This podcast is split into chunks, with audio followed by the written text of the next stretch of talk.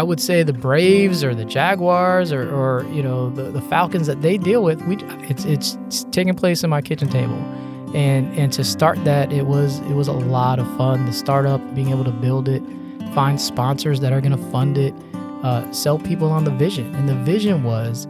Uh, building a, a minor league soccer team that allowed local soccer players to compete at the highest level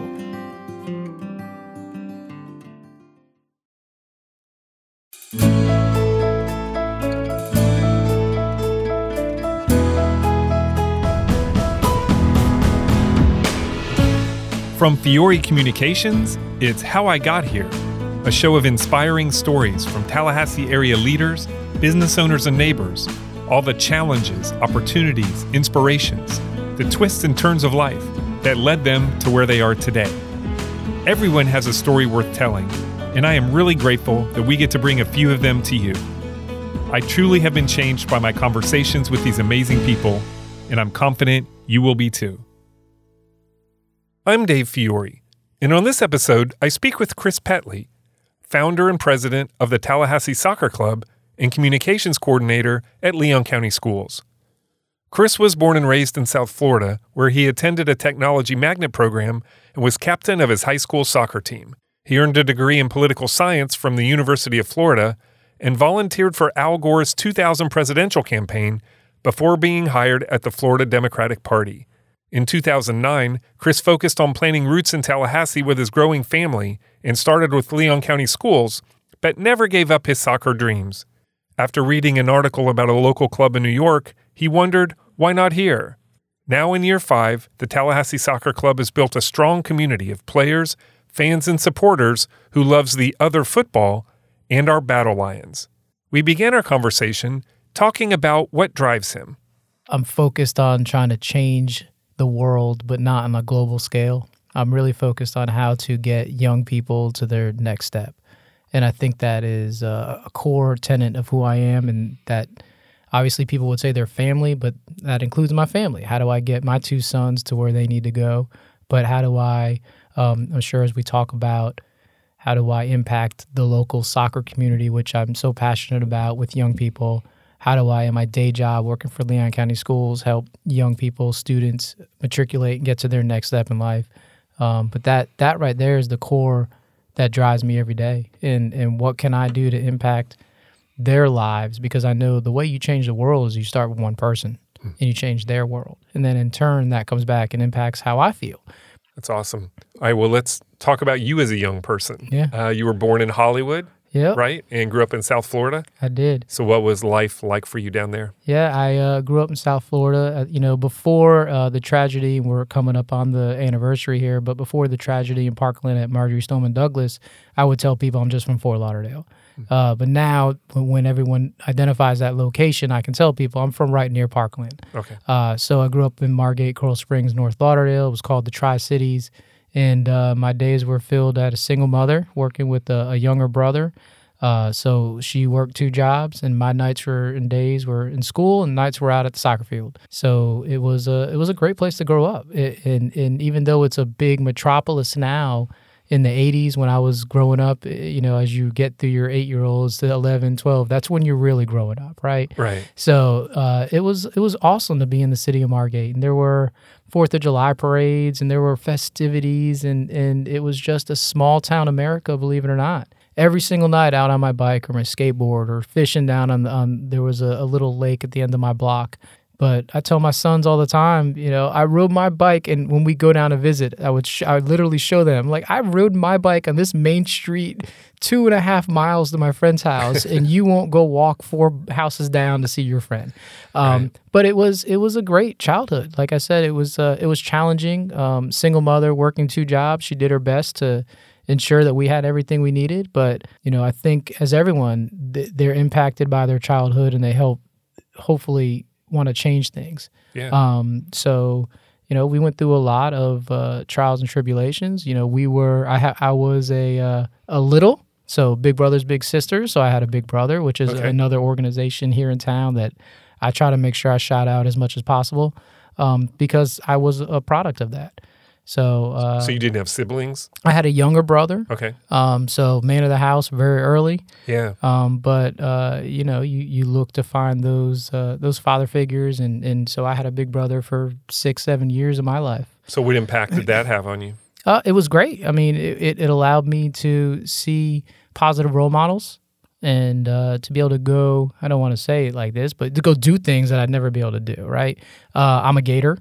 Uh, go Gators, University of Florida, but uh, that's because of the big brother that I had, and he Okay. and he took me to uh, to University of Florida multiple times to go watch football and to, to tour the the stadium when I was in uh, elementary school, middle school, and of course Wow. I, I went on and I became a Gator myself. So um, That's a pretty big trip. Oh yeah, yeah. But I think you know, again, I don't know if it might be different now with Big Brothers Big Sisters, but back then, I think uh, they, you know, get in the car and go. Yeah, I was going to say, it, it seems a little weird now to think about. Yeah, Right. so uh, this guy's taking me up to Gainesville for the weekend. right. You know, as a little kid, but Right, but I get, I guess this, the, the situation. You know, my, my mom's working two jobs, and Right. she's like, "Oh, you're gonna take them? She's going to co- All right, go." You know, and I think um, well, it's the same thing about being able to ride your bike until it's dark and, you know, just be home. be home, Be no, home by nighttime. no cell phone, right? I know it's no a, idea. it's a meme a meme now, but but that's that's the way of the world. And and you know, I try to to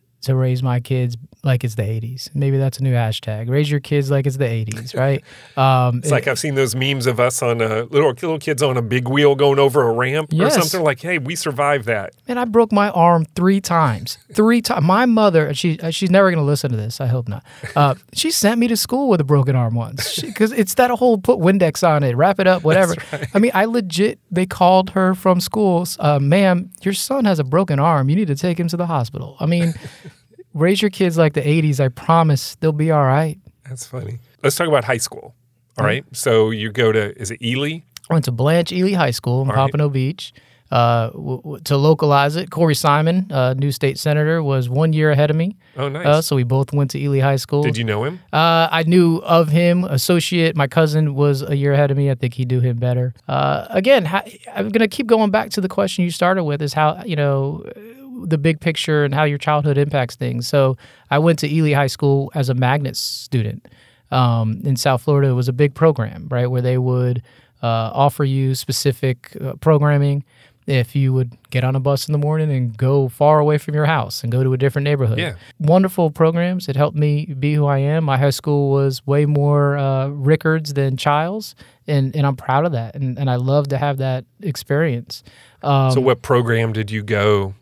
What what drew you to the school? yeah, so I was on the technology track. I think at that age, in, again in the 80s, 90s, uh, everything was computers, right? Everything was just coming into play. So my middle school was a technology middle school program, and I remember we were programming with DOS and floppy disks, and you know, one of the only schools in the county that was sending us home with laptops.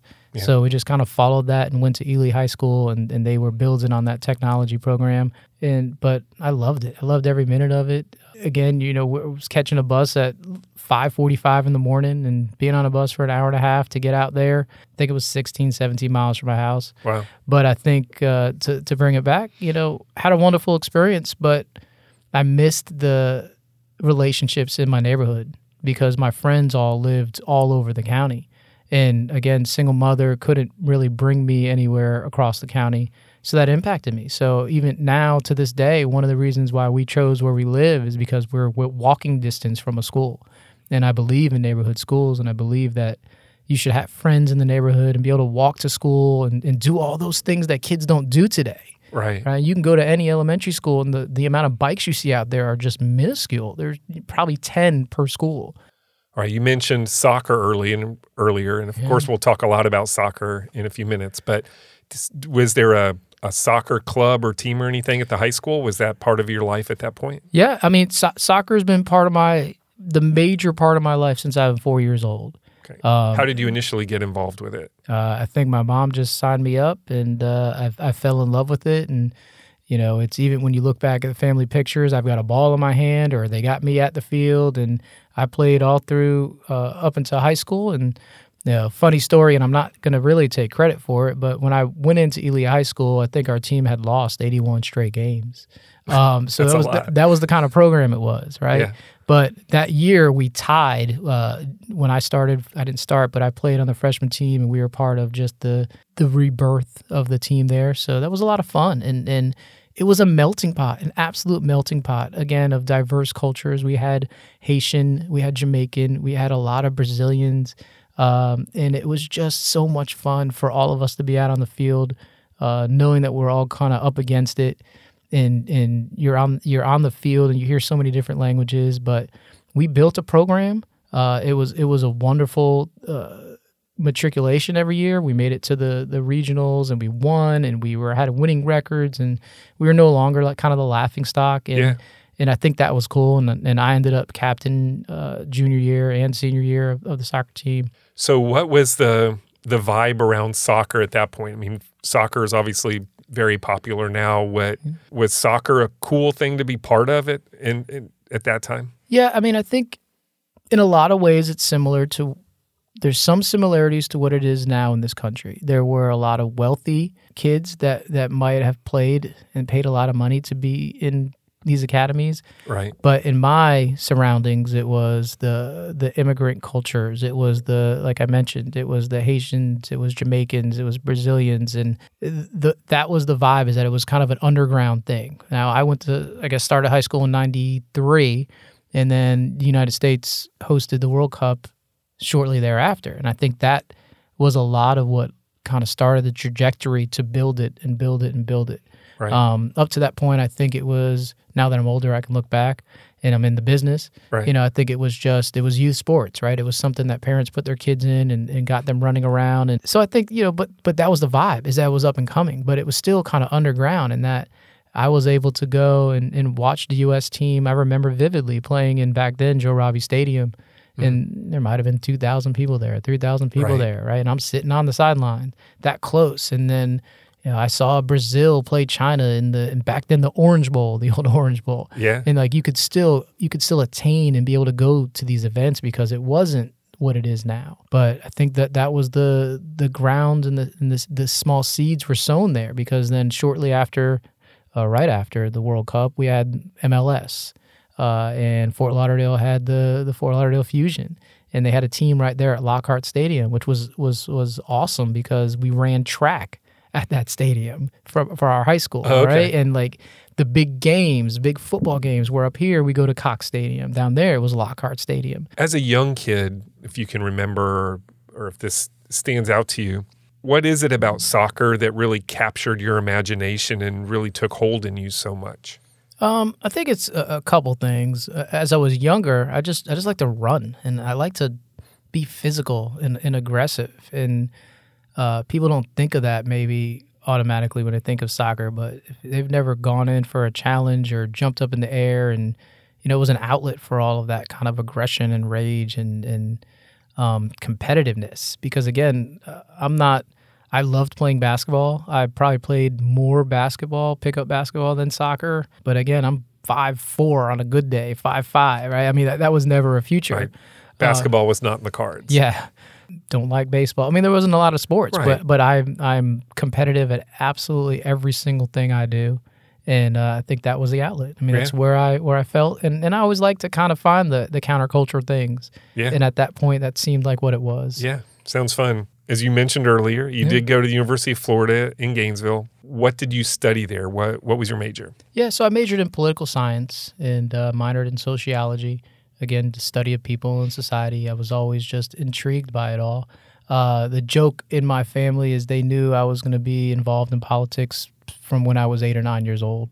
Um, every big family gathering, they'd mess with me, speech and, and those kind of things because they, I guess they just saw it in me. I have vivid memories of being uh, in fourth grade on a black and white TV watching the Republican National Convention in my bedroom, and my mom having to come in and just turn off that TV. Uh, I was just always attracted to it. Um, so I majored in political science. Spent four great years at University of Florida, and uh, it was during the 2000 election that I got bit really by the bug and being able to to jump out and and make it a profession and and do uh, participate in what, what I was passionate about. Right. So when was 2000 in relation to your graduation? I, I was set to graduate in 01. And uh, I guess the summer of two, 2000, uh, I volunteered on the Gore campaign, just matriculated up. It was a small organization, but was was up in the higher ranks of running the volunteers and Right. doing events. And uh, as we went through that election, as people may know, it was not an easy outcome. And uh, It uh, went on for quite a while. Right. And then I found myself coming to Tallahassee and being a part of whatever I could do there. And uh, shortly after the, the election was settled by the court cases, reached out to a political party probably in the summer of 01, I guess now. Told them I was coming to work for them. And they're like, well, we don't have a job for you. And I said, okay, well, I'm going to come volunteer because I just knew what I wanted to do. So I actually threw all my stuff in a U-Haul, left Gainesville. My lease was out and uh, just drove up here and crashed on the couch with my with my friend from high school. Three days later, I was an intern over there, got a job so I could pay the bills, and then uh, I think maybe six weeks into the internship, they hired me. At the Democratic Party of Florida. Right, Florida Okay. Democratic Party. Okay. So we were over there at the the the house on Gadsden Street a long time Yeah, ago. yeah. Yeah, um, and uh, worked down there and just stayed there. What was that like? I mean, was it, did you feel like you're living the dream or? for, for me it, it was it was really fast and, and i'll explain in that 9-11 happened but i remember being super happy that I'm, I'm chasing my dream and i put all my belongings in a u-haul and, and left and just chased it. And i'm there and i'm and i'm learning and then the world changed. And I remember being in conference rooms with the the chair and the elected leaders, and and uh, then there was a statewide cabinet member and Bob Butterworth, right, Attorney General. So I, I just it felt you're sitting around and and watching the reaction and being in rooms and seeing how govern people govern and legislate, and and it, it just made you grow up really fast, I think. And the excitement turned into like, oh, okay, we can make a difference. We can, you know, there's real, real world situations here. right. So I think uh, that happened rather quickly. And then going right into, uh, I guess, 02, we had uh, the governor's race with Janet Reno. I think that was her election. Um, it all runs together, as you Yeah. know, Dave. Yeah. Yeah. Uh, and I think through one thing or the other, we were planning a convention, and and I, I always find myself in the right place at the right time. But I think, as people will tell you, that's that's just if you're prepared for that opportunity and you take it, that's how you move on. Yeah. Uh, and there were some things that happened with the convention. I think we had four thousand people back then. It was massive, and I ended up being the number two running an entire convention with all these elected officials and late nights, and you just you just it was exciting, and it was I realized again more and more um, that I could do these things. I think that just helped take That's the steps, the next steps, right? Yeah. It's like once you convince yourself you can do something, there's no stopping you. I was going to say that's pretty cool when, as a young person, you start to gain confidence and realize. Because at first you're like, I'm the young person, I don't know anything, you know, and then you say, hey, I can do this. You know, I have something to bring to the table.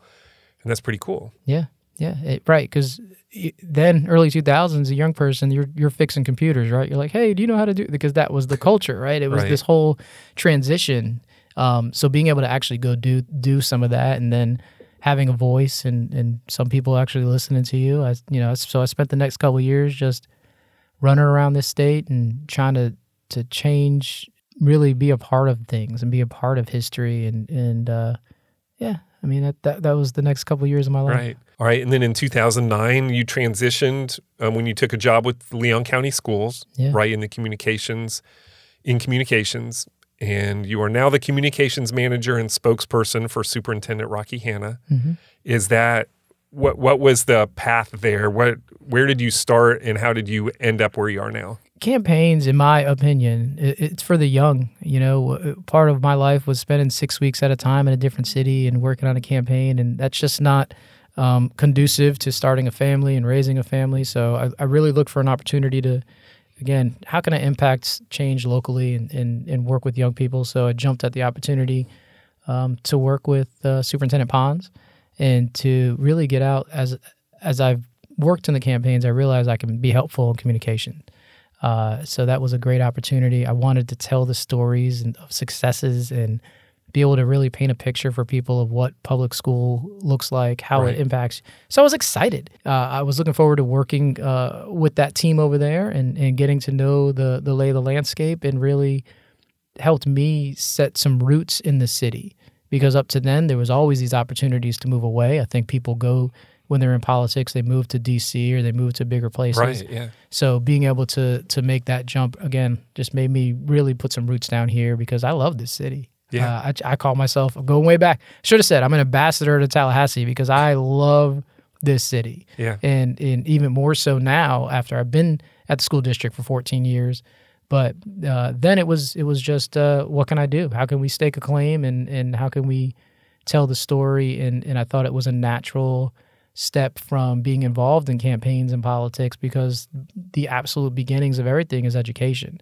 And if we don't have a, a free and public education that teaches facts and that's not based on opinion, then Right. then our, our society as a whole is is not headed in the right direction. Yeah. Well, let's talk about your job and what your primary responsibilities are as the spokesperson for Leon County Schools and working so closely with uh, Superintendent Hanna and just what what does your day to day look like now? Yeah, so so it has evolved. Um, six years ago, I guess six now, when Superintendent Hanna was reelected, um, was, was first elected, not reelected.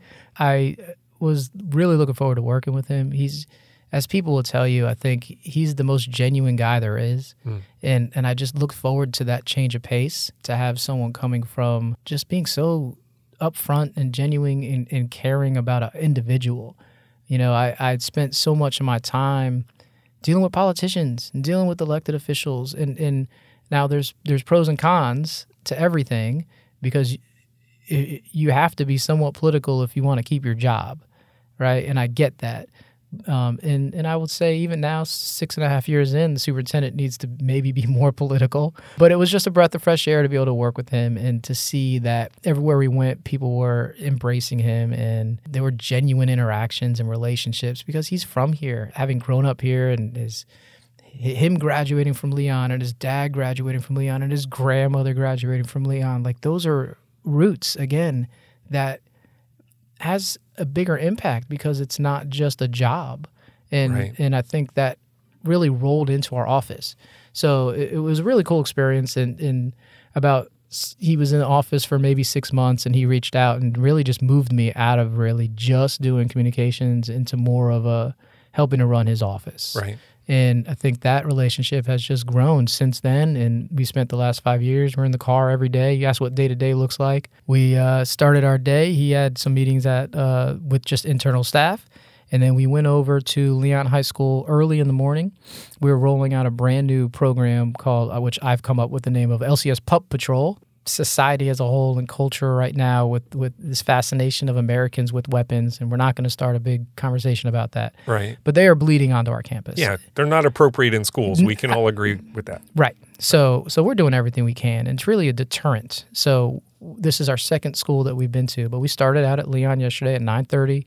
This is a, a major initiative for for the superintendent, for myself, for our office. So we go over to Leon. We're there for about an hour. Uh, the the Stassi, our weapons dog, who is named after I guess a Vanderpump person reality show. I have no idea what that means. Sometimes I call it Vanderplump. I don't even know. So we spent about an hour there. Um, talking to the students, explaining what's going on, watching the Stassi go to work, and uh, interacting with the administration. Went from there to Fairview and did the same thing at Fairview Middle School.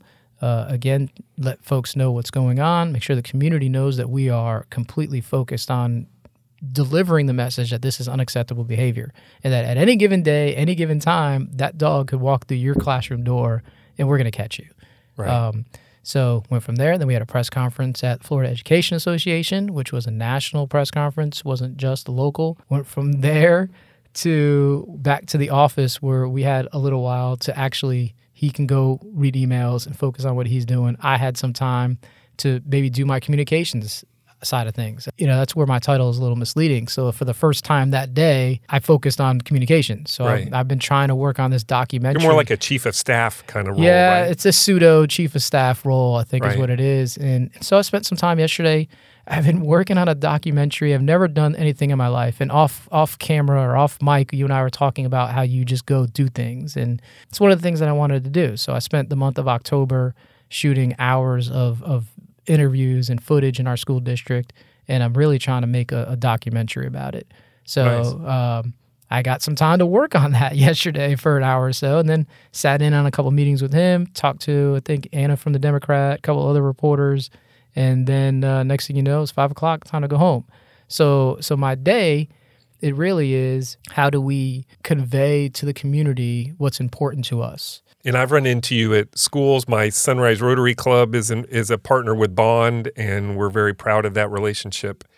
And so, what does it mean to you to actually you know, I know you spend time in the schools, you interact with the kids, you see the difference, you know, the partnerships with the community, and you really see the impact that your work has on, again, you talked about individual changes and community.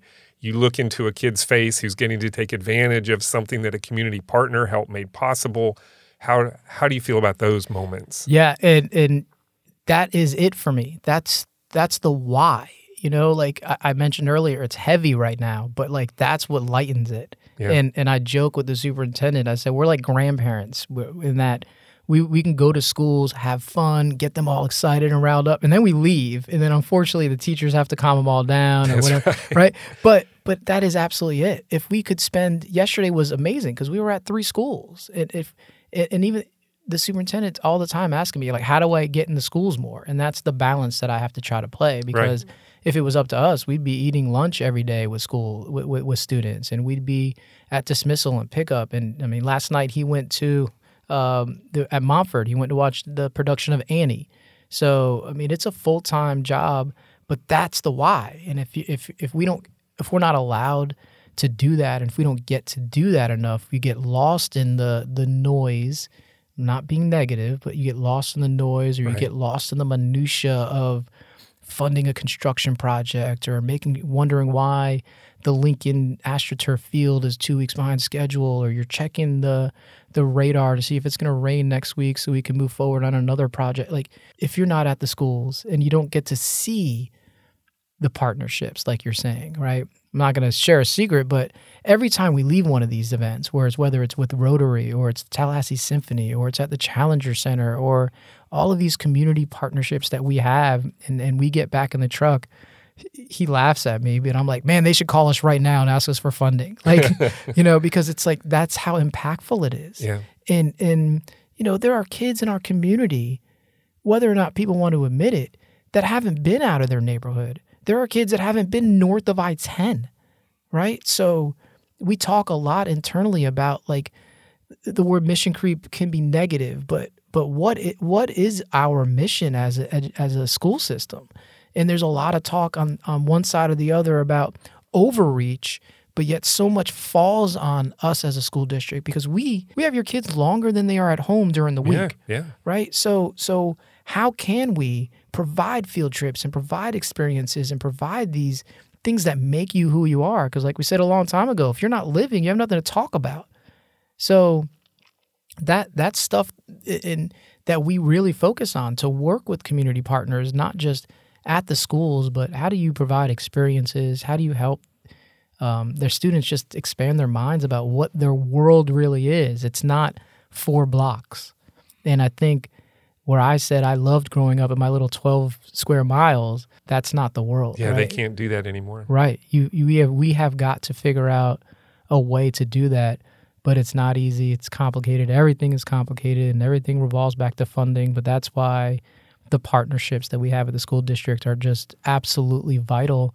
But it's vital for those organizations to know what they're doing, right? To know the impact that, like, for right. your example, that outdoor classroom at Bond Elementary is not just a garage shed.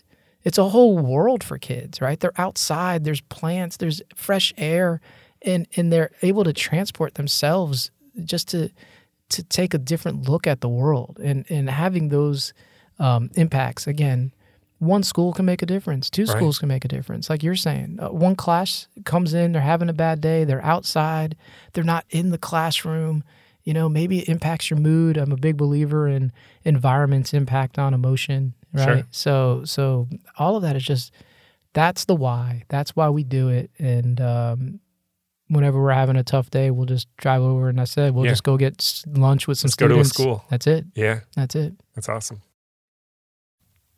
Hey, everybody. Just a quick reminder that this episode is brought to you by Fiore Communications. Just like people, every business has a story to tell, and we've been helping our clients tell their story since 2001 because who you are as a company is just as important as what you do. To learn more about how telling your story can make a difference in your business, visit fiorecommunications.com. Thanks again for listening. Now back to the show. All right, you've you've done a lot of cool things in your time there in your 14 years, but I know one of them that you're proud of is the Wall of Remembrance. Absolutely. So uh, please tell us about that. What is the Wall of Remembrance all about? Yeah, you're gonna get me choked up. Um, Wall of Remembrance is dedicated to all the veterans that we have for, that attended Leon County schools that passed away in service. So we uh, went out and, and raised money and uh, had our construction department build a uh, a wall in front of the Bloxham building, which is the pretty building downtown with the Spanish tiles on Yeah. the roof. Really amazing location, but there are individuals up there that we, we had to draw a line, so we really picked kind of the first Gulf War, um, and and I think we were at 13 individuals that attended a Leon County school that uh, passed away in, in service, and we just felt like they should be remembered and honored locally in their own community, and, Yeah. and it's a it's a great deal and great partners to make sure that, that it's well kept every year still to now, and uh, knocking on wood that we have not added a new name um, anytime. All right, you're a husband and a dad to two young boys, which you mentioned, and we'll come back to them in a minute. But on the top of your LinkedIn profile is not your Leon County Schools job. It is that it is that you are the founder and president of the Tallahassee Soccer Club. Let's talk about where all that came from. I guess starting with we have documented in our short time here your love for soccer and the impact that's had on your life. So how did that transition into you think Tallahassee is a good place to have a soccer club? I guess it was 2017, May of 2017. I read an article from an individual who started a club in uh, Kingston, New York. He essentially laid it all out right there in paper and, and how he started it and what he did and why it's so important. And I don't need to rehash my love of the sport, but again, my love of the city. And I've always kind of searched for ways that I can combine that because the only way things are going to be successful is if you're passionate about it, in my opinion Right. and and I wanted to combine those passions. So I read that article and it just a light bulb moment for me. And I and I was like, why not me? Why not here? Why not us? And I texted uh, ten or so of my friends the article. Um, little backstory: I, I have ideas every single day. um, my wife has this joke with me. She calls the the garage or the attic the attic of broken dreams. Uh, all these things that I've just attempted to do because again, I'm a builder. I just want to build things. Right. And I think that when I gave her this idea, you know, I was waiting. She's always my initial sounding board. I think, like most marriages, Sure. um, and I was waiting for the no, and and then she was just like, "Okay, let's do it." So I texted my friends, and nine of them just gave me, "Oh, whatever, Chris." Another Chris idea. One of them was like, "Let's do it."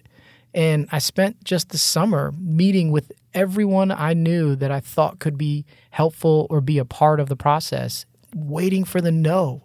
Right. And the no never came. I just ended up starting a soccer team from my dining room. And it just kept going and, and I just kept waiting for the no. But So what is that process? How do you start a soccer team from your dining room? yeah, so uh, you know, I tell everyone this that we are a full fledged sports franchise, just just down, drawn down a little bit. So it, it, it involved coming up with the branding ideas and coming up with the you know where are you going to play, where are the players going to come from, how do you get a coach, what do the uniforms look like, what do you so like every single bit of of what.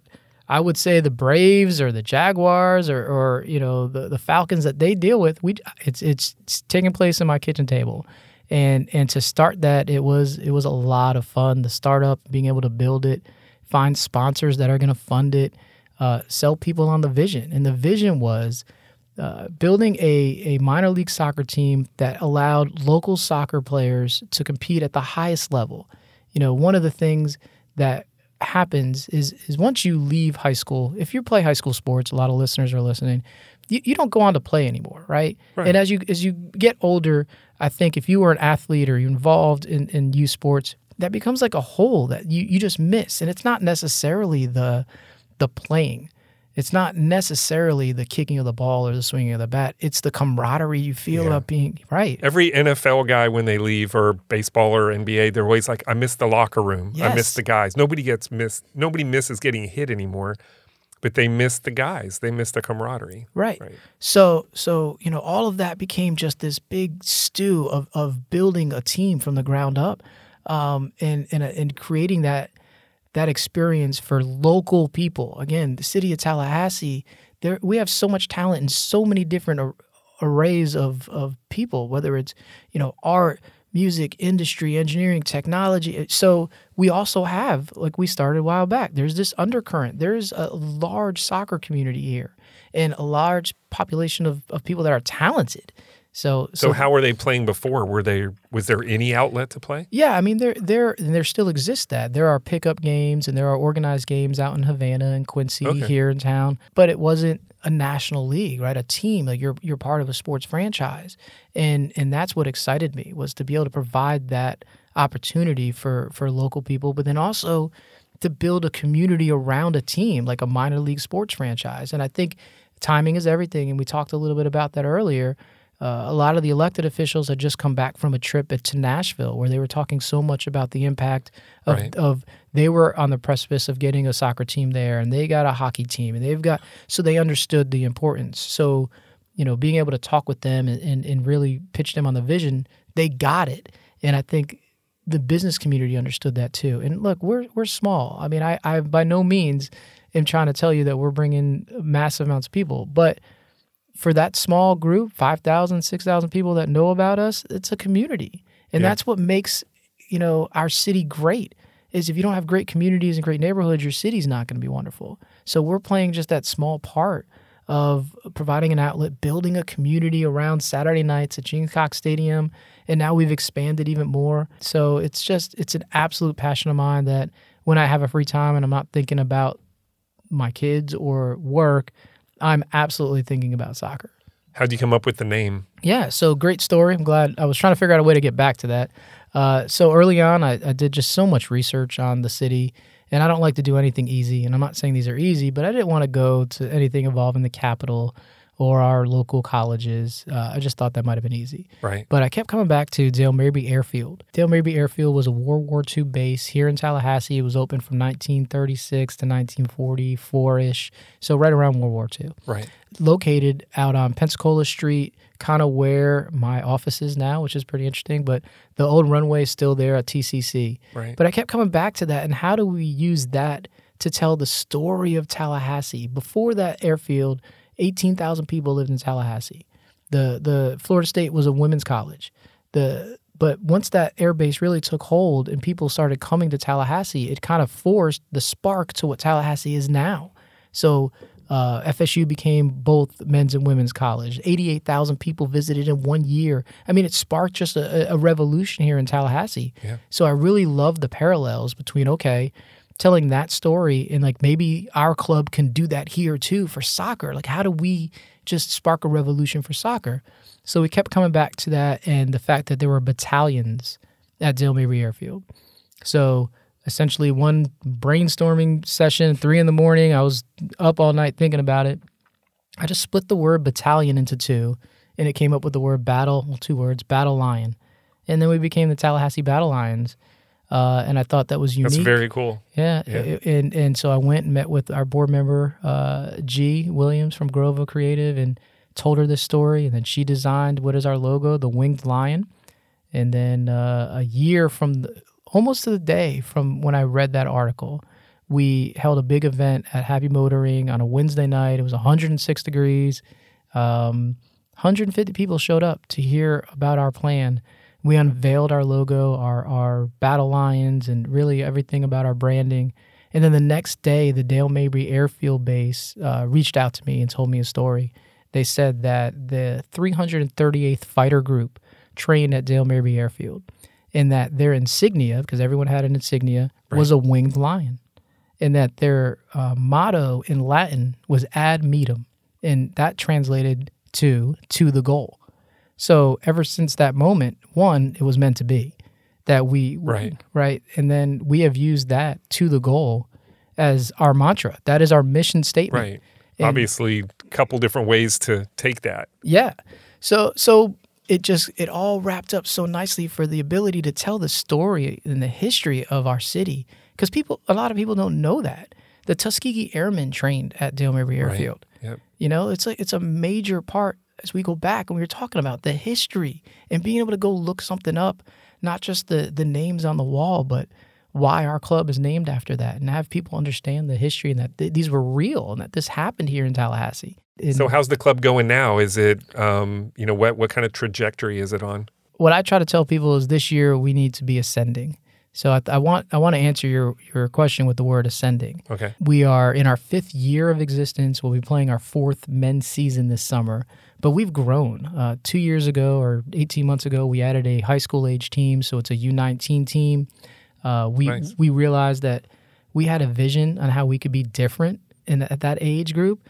At that age group, most most kids in, in soccer are either just playing it out or they're playing to go to the next level. And there's one, you know, there's a dichotomy of player there. Right. So we wanted to try to be a home for those kids that are trying to go to the next step.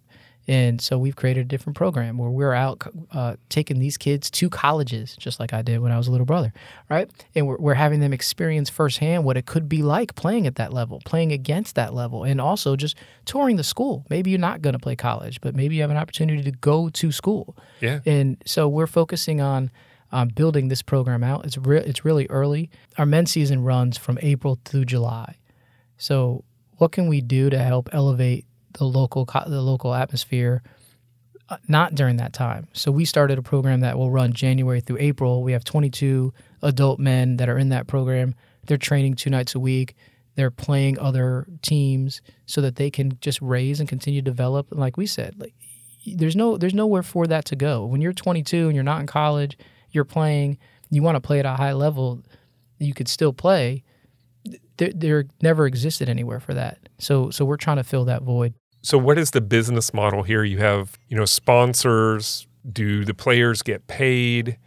You know, do you recruit and try to get, you know, higher levels of talent at certain times? I mean, how? What's the dynamic of how how you make the team better and how all that works? Yeah. So uh, for the first four years, and really now, and it's probably to the detriment, you know, when when our funding model is two is really two things. It's sponsorships and it's our memberships. So we sell member packages, and they're eighty dollars a year. Uh, you get season tickets, you get an exclusive member shirt, but you fund the team.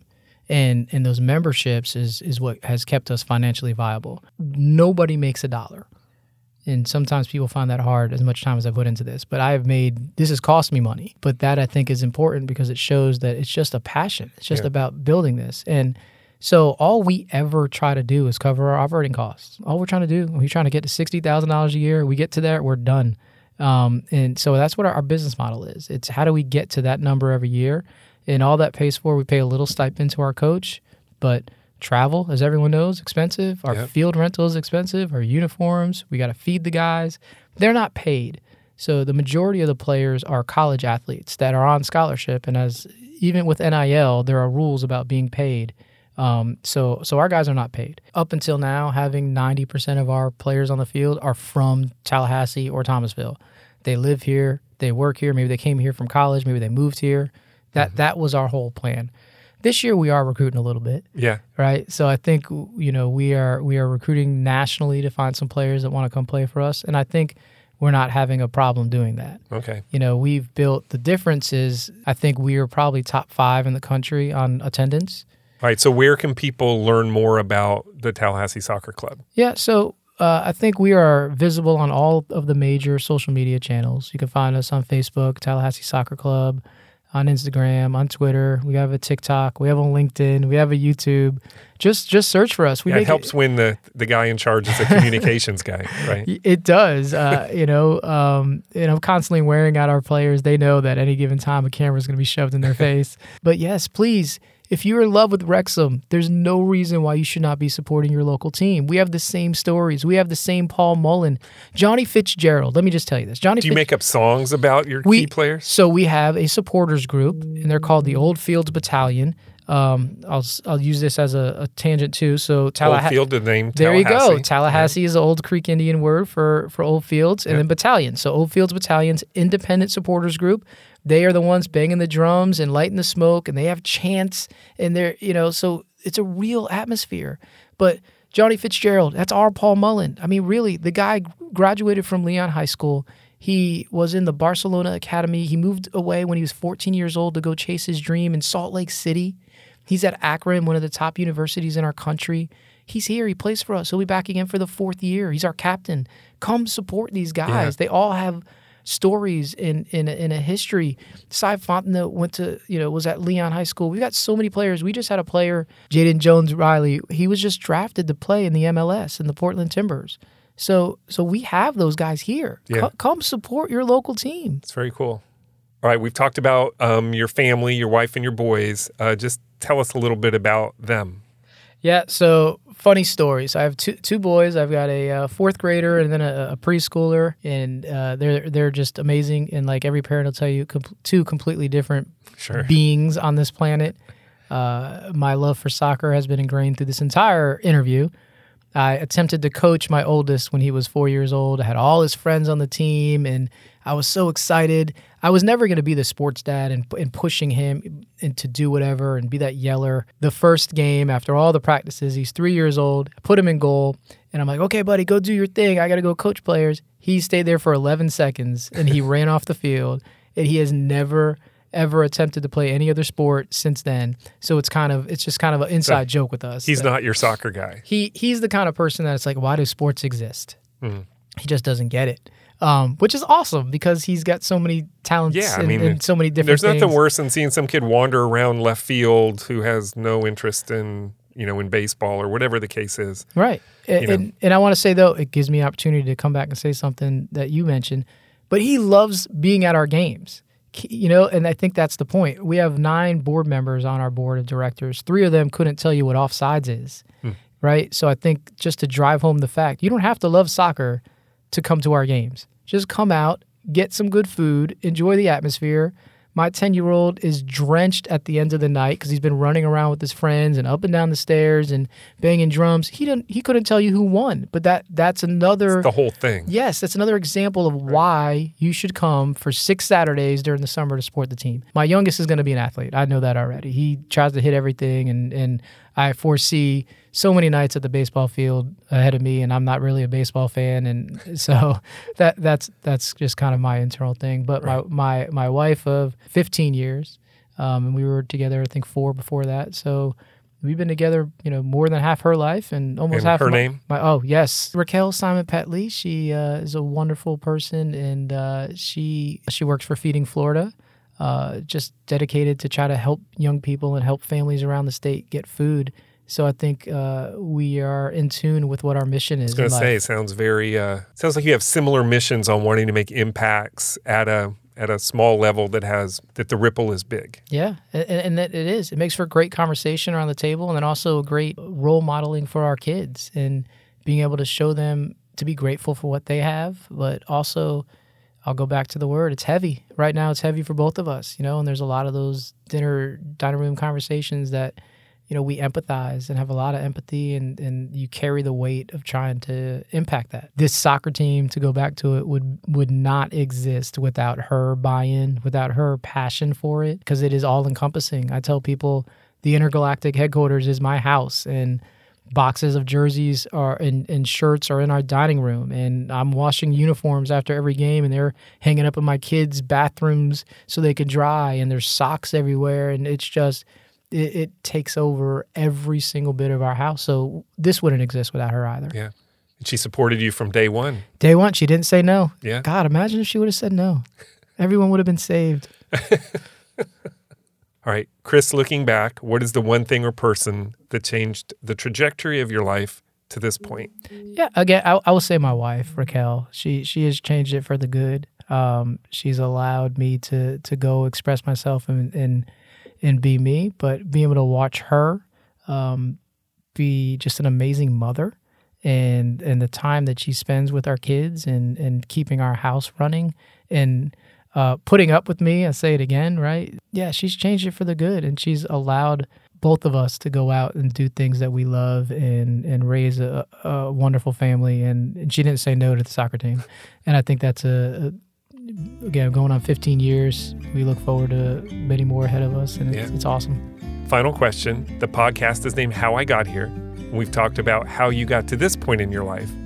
Where do you think here will be for you in three to five years from now? Yeah, it's a it's a big question. I think um, I I really hope that as far as the the soccer thing goes, that we're able to hit a point of sustainability. That we're we're able to meet reach some critical mass with everything going on in our country revolving soccer. That we attract some fans. That we build out a program. That we make a difference in those young people's lives because that's what really draws it. So I think that's that's one of it. Yeah. I think professionally, I think it remains to be seen. There's so many things out of people's control. But with education in our state and with elections coming up, you, you just you can't plan for that professionally. But I look forward to my oldest starting middle school and God, my youngest getting out of daycare so I can save some money. um, so maybe three to five years I can take my wife on that trip Yeah. to Europe. But I think those are the three things, right? I think it's the the passion with soccer professionally and then your family. And outside of that, hey man, I, I think my whole life trajectory has been you see an opportunity, you take an opportunity. And, and that's where I hope to be. Thanks for listening to the show. You can subscribe at Apple Podcast, Spotify, or wherever you get your podcasts. And while you're there, please leave us a review. It really does make a difference. Thanks to my amazing staff at Fiore Communications who pick up the slack while I'm working on these podcasts, and to Troy Bloom for composing our theme music. You can hear more of Troy's creations on Facebook and Instagram at Troy Bloom Music. To connect with the podcast or suggest a future guest, follow us on social media or email us at podcast at fiorecommunications.com.